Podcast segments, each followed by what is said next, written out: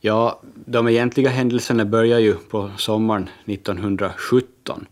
Den eh, 20 augusti 1917 hölls det ett möte på Ålands folkhögskola i Finström där representanter för de åländska kommunerna eh, framställde officiellt krav på Ålands återförening med Sverige. Det här var ju en gammal tanke som hade återuppväxt i och med de oroligheter som första världskriget förde med sig. Mm, I det här sammanhanget så väckte man alltså frågan om Ålands statstillhörighet. Åland hade ju, eh, som Finland i övrigt, varit en del av Sverige ända fram till kriget 1808-1809. Och hur fortsatte det sen kampen för, som det var då, återförening med Sverige? Man kompletterade här genom att anordna en namninsamling på Åland under hösten och vintern 1917. Eh, och eh, man samlade in då över 7000 namn eh, till förmån för de här strävandena. Det var då på den tiden cirka 95 procent av den hemmavarande befolkningen på Åland. Man sände också ut åländska politiska ledare till fredskonferensen efter första världskriget i Paris. Bland annat besökte Julius Sundblom fredskonferensen 1919. Man sände också åländska delegater till London för att hos den brittiska regeringen eh, försöka marknadsföra de åländska kraven.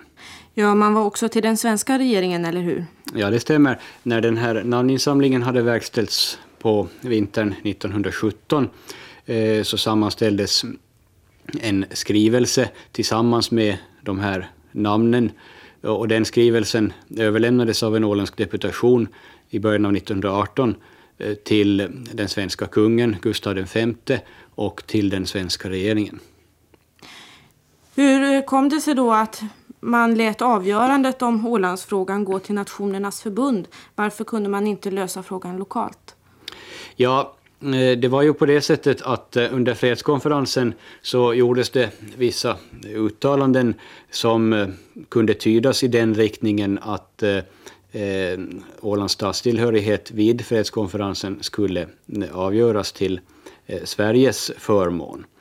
Och då inledde man på finländsk sida förberedelser för att i gengäld, eller istället för det här avgörandet, skapa en självstyrelselag för Åland, göra Åland till ett självstyrt område, till en autonomi.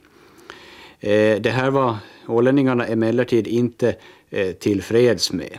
Eh, den här självstyrelselagen behandlades ju till och med i riksdagen och utfärdades den 30 i 4 1920.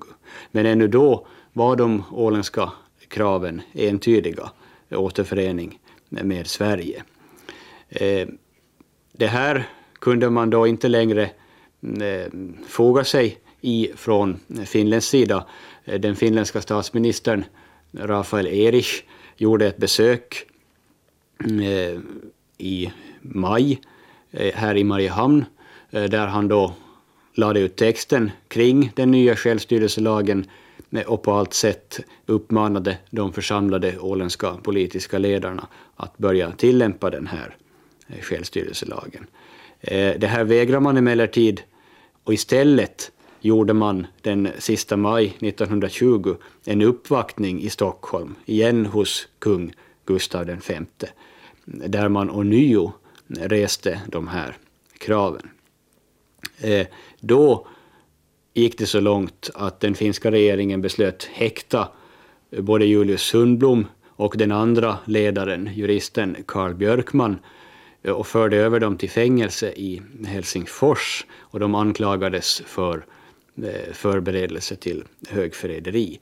Eh, då blev den här frågan så politiskt inflammerad vad gällde förhållandet mellan Finland och Sverige att mm, den ledde till notväxlingar och hårda ord mellan de svenska och finska regeringarna. I det sammanhanget tog Storbritannien initiativet att överföra frågan till Nationernas förbund som då som ett överstatligt organ nyligen hade inlett sin verksamhet. Hur pass stor fråga var då Ålandsfrågan internationellt sett i NF? Ja, Ålandsfrågan var väl ur internationell synvinkel mm, antagligen en, eh, en bland många frågor som härrör för, från principen om folkens, nationernas självbestämmanderätt. Det var ju den principen som kom fram väldigt starkt efter det första världskriget. Vi vet att Europas karta förändrades väldigt mycket mm, efter världskrigets slut. Nya stater, självständiga stater tillkom, eh, folkgrupper bytte plats så att säga på kartan, eh, införlivades med nya länder och så vidare. Och en detalj i det här sammanhanget var Ålandsfrågan. Nationernas förbunds beslut att Åland skulle lyda under Finland innebär ju, att man skulle anta den här självstyrelselagen. Men det blev ju vissa tillägg i den.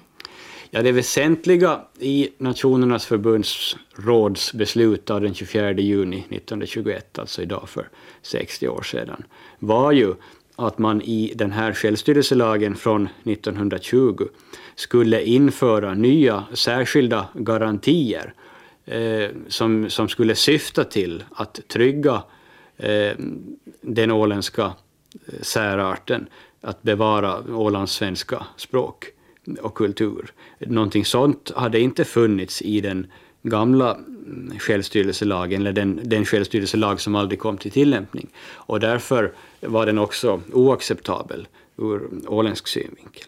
De här garantierna preciserades ju sedan närmare, tre dagar senare, den 27 juni 1921, i den så kallade Ålandsöverenskommelsen. Den här överenskommelsen är alltså ett fördrag ett internationellt avtal mellan Finland och Sverige som bekräftades av NS råd och som togs in i rådshandlingarna. I den här överenskommelsen av den 27 juni 1921 eh, så deklarerade den finländska regeringen eh, att den är fast besluten att säkerställa och garantera Ålandsöarnas befolkning bevarandet av det svenska språk, kultur och lokala traditioner, som det heter i beslutet. Och man förband sig då att i den självstyrelselag som man hade givit den 1920 införa de här garantierna. Ja, lantrådet Folke Voivalin, innan vi går in desto mer på betydelsen av själva lagen som garanterar vår självstyrelse, så är det en sak som jag gärna skulle vilja fråga dig om. Och det, det är att Lars-Ingmar Johansson talade mycket här om återföreningskravet på 1920-talet. Det vill säga att ålänningarna från början ville höra till Sverige. Och det finns säkert många lyssnare, tror jag, idag som frågar sig att är det så här på Åland idag fortfarande? Nej, det är det nog inte. Eh, redan på 60-talet så formulerade dåvarande talmannen Torvald Eriksson ålänningarnas nuvarande strävanden ungefär som så att återföreningstanken med Sverige har idag ersatts av en självstyrelsevilja, det vill säga en, en strävan att förkovra självstyrelsen på den grund som är lagd. Och eh, jag vill här kraftigt dementera eventuella rykten om att här skulle förekomma några aktiva separatiststrävanden från ålänningarnas sida. Det finns det inte. Det är bara alltså fördomar som vi härmed då kan stryka Ja. Eh, om vi ska gå in då på självstyrelselagen som sådan och det som Lars-Ingvar talade här om garantier. De garantier vi nämnde var i Ålandsöverenskommelsen gäller språket och kulturarvet. Och vad betyder det här i praktiken idag? Ja, eftersom då språket eh, och kulturen är de viktigaste grunderna kan vi säga för hela eh, självstyrelsen som var det viktigaste i, i eh, det beslut som eh, Nationernas förbund tog, så får vi säga att, att eh, i och med detta så är, är garantierna för detta språk också en garanti för hela, hela vår självstyrelse. Och också detsamma gäller kulturarvet.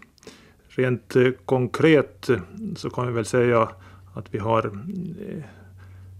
fått ett instrument i vår självstyrelse att då kunna bevara landskapet Åland enspråkigt svenskt. Ja, vi brukar ju nogsamt akta oss eh, om att, eh, i att, att lägga oss i vad som händer i vår omvärld. Vi ska komma ihåg att eh, landskapet Åland med sina 22 000 invånare är en synnerligen liten minoritet i, i, i republiken Finland.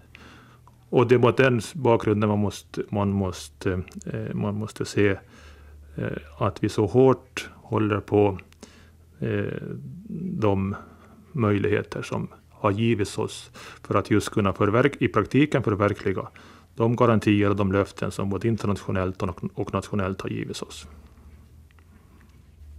En eh, annan konkret sak som de här garantierna innebar och senare också den självstyrelselagsrevision som kom 55 det är ju det här med kulturarv och markfrågor och så vidare. Vi har en speciell typ av medborgarskap här också. Som den, det kan väl du utveckla lite mer Folke Ja, vi fick vid självstyrelselagsrevisionen 1951 ett eh, åländskt nationellt medborgarskap som kallas hembygdsrätten. Eh, som är då eh, i princip medger innehavaren rätt till rösträtt och valbarhet i kommunala landstingsval, rätt till markförvärv i landskapet Åland, Eh, det är väl det, det viktigaste med hembygdsrätten. Och som också är, det är ett viktigt instrument eh, med vilket man kan då bevara landskapet Åland enspråkigt svenskt. Vad är kraven för att få hembygdsrätt? I princip är det fem års fortsatt boende i landskapet Åland. Uh, vissa dispenser kan ges, men om särskilda skäl också finns så kan kan en person förvägras hembygdsrätt om man eh, har bott, bott, bott också längre än fem år i landskapet Åland.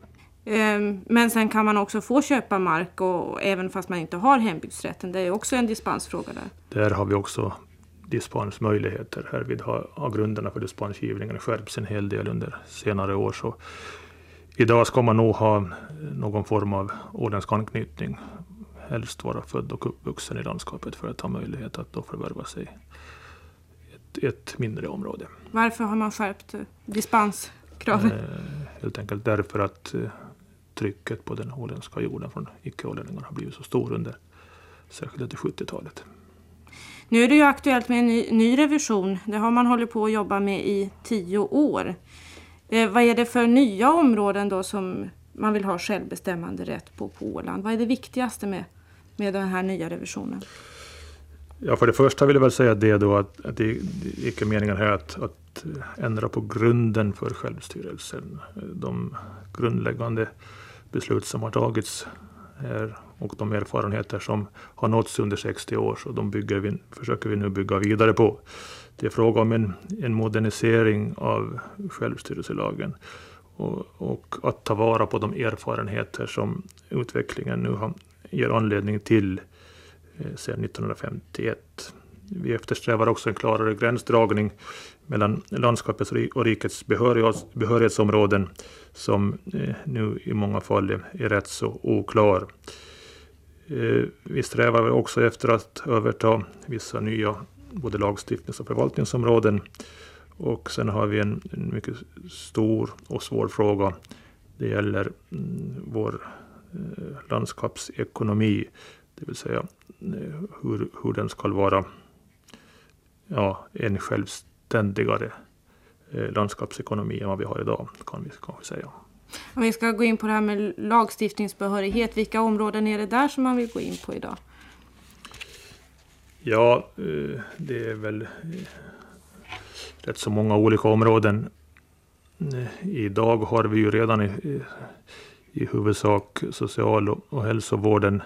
Vi har närings, den lokala näringspolitiken. Vi har de interna kommunikationerna till lands och vatten. Vi har utbildningen. Eh, vi har eh, kommunalförvaltningen. Vi har fornminnesvården. Vi har i huvudsak ordning och, och säkerhet. Och eh, i, i huvudsak byggnadslagstiftningen. Ehm, nya områden är sådana, kortfattat, som anknyter till dessa områden, eh, förutom vissa specialområden som kanske radio och tv, eventuellt eh, post och telegrafväsendet och vissa andra specialområden. Det finns ju erfarenheter att, att lära av ute, ute i världen. Vi har exempelvis San Marino i Italien som är numerärt lika många som ålänningarna som får mycket stora inkomster från sitt postväsende. Vi har Färöarna som har ungefär samma eh, statsrättsliga ställning som landskapet Åland som har fått sitt eget postväsende och sina egna frimärken som också de får rätt så stora inkomster från postväsendet. Så en total ekonomisk självstyrelse här också som, som vi var inne på i, vad det gäller de här nya områdena, det är inte aktuellt? Eh, en total ekonomisk självstyrelse kan finnas med, åtminstone på sikt. Eh, det är ju svårt att veta var vi hamnar också i den speciella frågan.